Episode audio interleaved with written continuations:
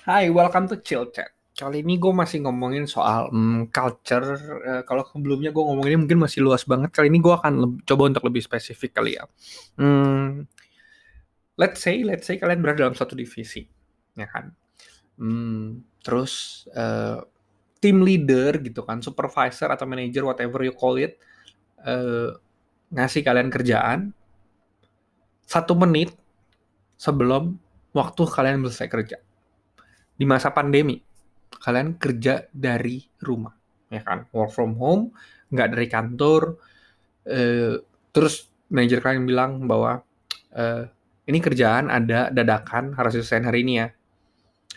That happen gitu kan? Satu kali mungkin kalian oke okay, gue uh, fine. Dua kali tiga kali empat kali. Nah kalau itu terjadi setiap hari masalah nggak?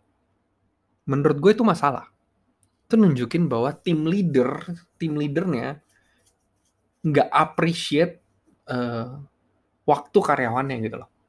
Ibaratnya uh, lu boleh ngasih kerjaan gitu kan. Misalnya uh, gue selesai kerja jam 5, jam 1 ada kerjaan dadakan atau jam 3 ada kerjaan dadakan, menurut gue itu masih bisa dimengerti dibandingin kalau a few minutes sebelum gue selesai bahkan menurut gue 30 menit sebelum orang selesai kerja terus kalian kasih uh, tim leader ngasih suatu kerjaan baru yang harus selesai hari itu.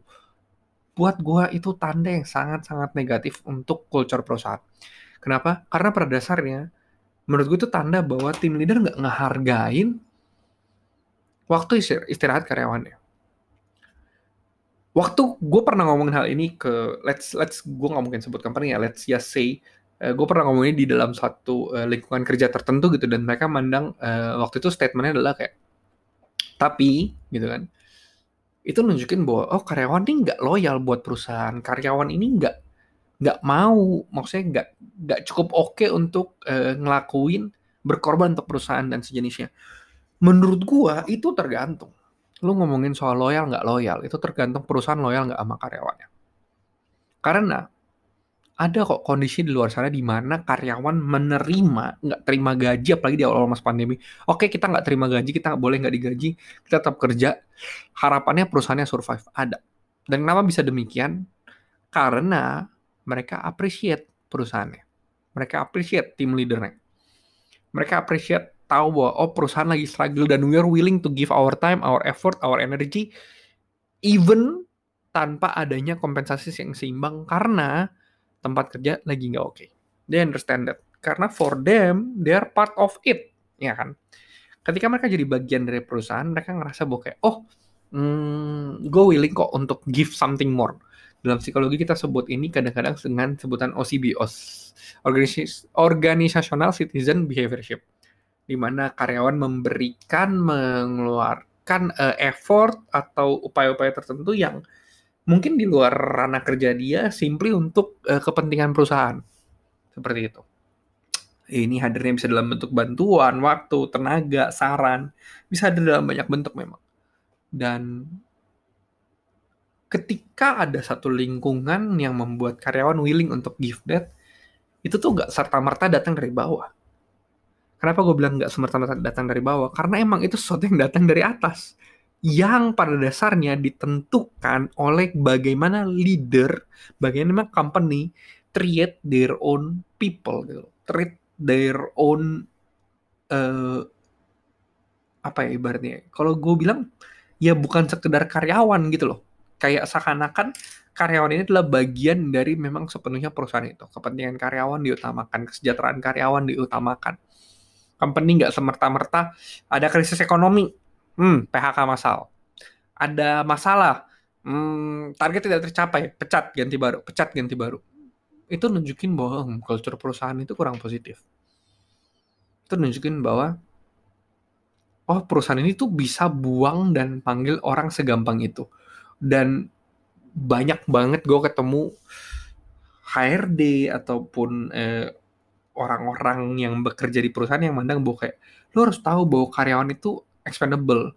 At some point iya ada benernya gitu kan ketika lu berhadapan dengan karyawan yang mungkin nggak oke, okay, makan gaji buta, performanya rendah dan segala macam nggak terima kritik. Itu menurut gue karyawan yang expendable.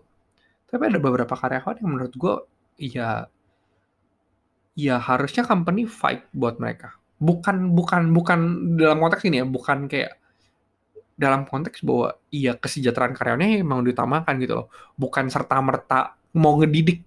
Kalau menurut gue, kalau serta-merta mau mendidik itu terlalu optimis lah ibaratnya. Terlalu mungkin nggak realistis at some point gitu kan. Tapi uh, culture yang baik adalah culture di mana tim leadernya ngedengerin, membangun circle of safety. Nanti mungkin suatu saat gue akan jelasin lebih lanjut soal circle of safety itu apa. Kemudian ada uh, appreciation di sana kemudian uh, leadersnya nggak take credits, mereka mampu untuk uh, bangun dialog dengan karyawannya, mereka mampu untuk ngasih feedback ke karyawannya, mereka mampu dengar feedback dari karyawannya. Kalau pada dasarnya um, beda, sangat beda lu kalau kerja di perusahaan yang uh, culture-nya positif dan enggak. Jujur gue pribadi pernah berada di satu perusahaan uh, yang culture-nya menurut gue, oh ini oke, okay. nggak 100% sempurna, karena menurut gue nggak ada perusahaan yang punya culture yang 100% sempurna, tapi culture-nya ke arah positif. Uh, ini merupakan salah satu perusahaan marketplace besar di Indonesia, dan ya culture-nya positif, uh, gue merasa bahwa uh, saran gue didengar, omongan gue didengar, pandangan gue didengar, dan ketika gue minta bantuan ditolong, ketika gue minta arahan diberikan, ketika gue mau ngembangin diri gue dikasih kesempatan. At, bahkan at some point menurut gue jujur jabatan gue waktu itu eh, bukan apa-apa lah. Gue di situ benar-benar bukan apa-apa lah butiran debu gitu kan. Tapi ide yang gue ajukan benar-benar diterima dan to the point sampai kayak oke okay, kita bisa pakai diri ini kita realisasiin dan eh, gue suka karena menurut gue ini perusahaan startup gitu ibaratnya yang teknologi oriented eh, WhatsApp, Line, maksudnya kayak media elektronik dan komputer itu banyak digunakan selama pekerjaan. Tapi ya gue kerja dari pagi, jam 5 gue kelar, ya kelar. People don't contact me. Biasanya tim leader gue akan kontak gue dalam konteks kayak gini. Guys, besok uh, kita meeting ya jam sekian. Tapi talking about something for tomorrow. Dan kalau menurut gue itu bukan apa, itu bukan ngasih gue kerjaan gitu loh. Itu cuma simply, uh, simply apa ya, heads up gitu loh. Dan that's totally fine. Menurut gue bahkan that's good gitu kan. Kayak, uh, tim leader ngasih arahan besok kurang lebih akan gimana ya tapi itu untuk keesokan hari kayak gitu sisanya ya disuruh ya udah istirahat ya take your time pernah nggak gue diminta kerjaan dadakan pernah itu udah jam setengah delapan malam dan mendadak tim leader gue ngontak gue dia bilang kayak e, ada ini nih dadakan gitu kan. Tapi dia ngomong ke gue tapi ini sebenarnya boleh untuk gue selain besok. Cuman gue ngerasa kayak ya kerjanya nggak banyak-banyak amat. Gue bisa kelarin dalam kurang waktu uh, setengah jam sampai satu jam. Let me do it now, gue udah bisa makan malam juga, jadi gue kerjain dan gue langsung kasih dia malamnya, besoknya kita udah bisa langsung jalan gitu kan dengan tahapan selanjutnya kayak gitu. Dan ya itu menurut gue salah, gue gak keberatan ngelakuin itu. Kenapa? Karena gue merasa kayak ini this is nothing lah they uh, the company gitu kan tim leader gue udah ngasih begitu banyak buat gue uh, she stand for me dia bela gue dia ngarahin gue dia kasih gue arahan dia kasih gue opportunity untuk belajar dia kasih gue tanggung jawab baru dia minta pendapat gue menurut gue itu udah nunjukin bahwa culture yang positif dan gue bisa ngasih lebih buat perusahaan ini bukan sekedar kerja pagi ke sore pagi ke sore. Tapi totally contribute to this company to achieve its dreams gitu loh.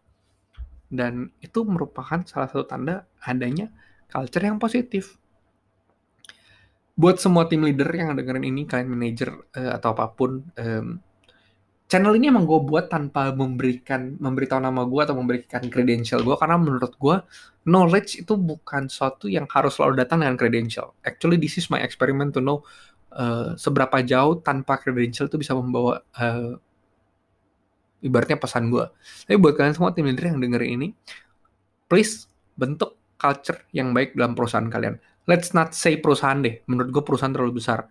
Menurut gue dari pengalaman gue, tim leader gue membentuk culture yang positif di dalam tim gue.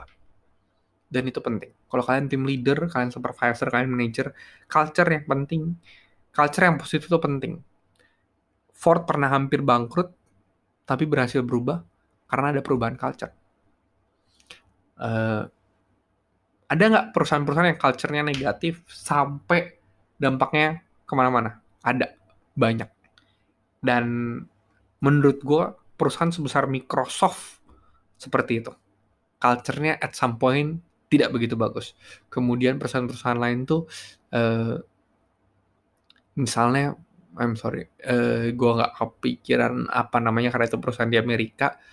Uh, oh, for example, Walmart. Walmart pernah at some point di mana pokoknya solusi dia kalau misalnya lagi krisis ekonomi itu PHK. PHK, PHK, PHK. Iya. Sometimes, sometimes itu hal yang perlawanan, tapi sometimes ya itu nunjukin bahwa perusahaan fokusnya ke target ekonomik jangka pendek. Dia nggak benar-benar peduli dengan karyawannya, well-being karyawannya, dan sejenisnya.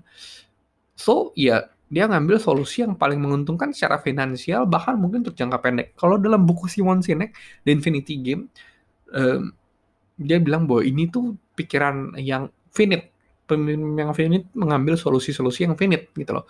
Sedangkan perusahaan keberlangsungan perusahaan itu nggak ada merupakan pebarnya perjuangan jangka panjang, permainan jangka panjang makanya judulnya The Infinity Game gitu. Karena pada akhirnya nggak ada yang menang, lu cuma bermain untuk tetap stay ada dalam permainan ini aja kayak gitu, ibaratnya kayak gitu. So ya, untuk kalian tim leader, culture yang positif dimulai dari kalian, itu ada di tanggung jawab kalian, itu ada di pundak kalian. Karyawan kalian ketika ada yang toxic, gimana? Itu di tangan kalian untuk handle-nya gimana. Karena kalian yang punya otoritas, dan otoritas datang dengan tanggung jawab, otoritas juga datang dengan kekuatan, kemampuan, power untuk membuat perubahan. Perubahan tidak segampang itu datang dari bawah. Kebanyakan perubahan datang dari atas. Sepanjang sejarah, setiap kali revolusi, setiap uh, terjadi perubahan-perubahan dalam sejarah baik dalam politik, uh, ekonomi itu tidak datang dari orang-orang tanpa kedudukan. Itu selalu datang dari orang-orang. Mungkin awalnya dia bukan siapa-siapa, dia dia meraih posisi di mana dia jadi tim leader atau dia jadi pemimpin demonstran misalnya atau dia jadi pemimpin suatu movement tertentu. Itu yang membuat perubahan. Dan ya semua menurut gue nggak pernah lepas dari culture itu sendiri. Culture yang dibentuk menentukan bagaimana karyawan merespon terhadap tuntutan dari perusahaan. Ketika uh, culture-nya negatif ya ya jangan berharap lu minta karyawan lu untuk overtime habis-habisan terus dia nolak gitu kan.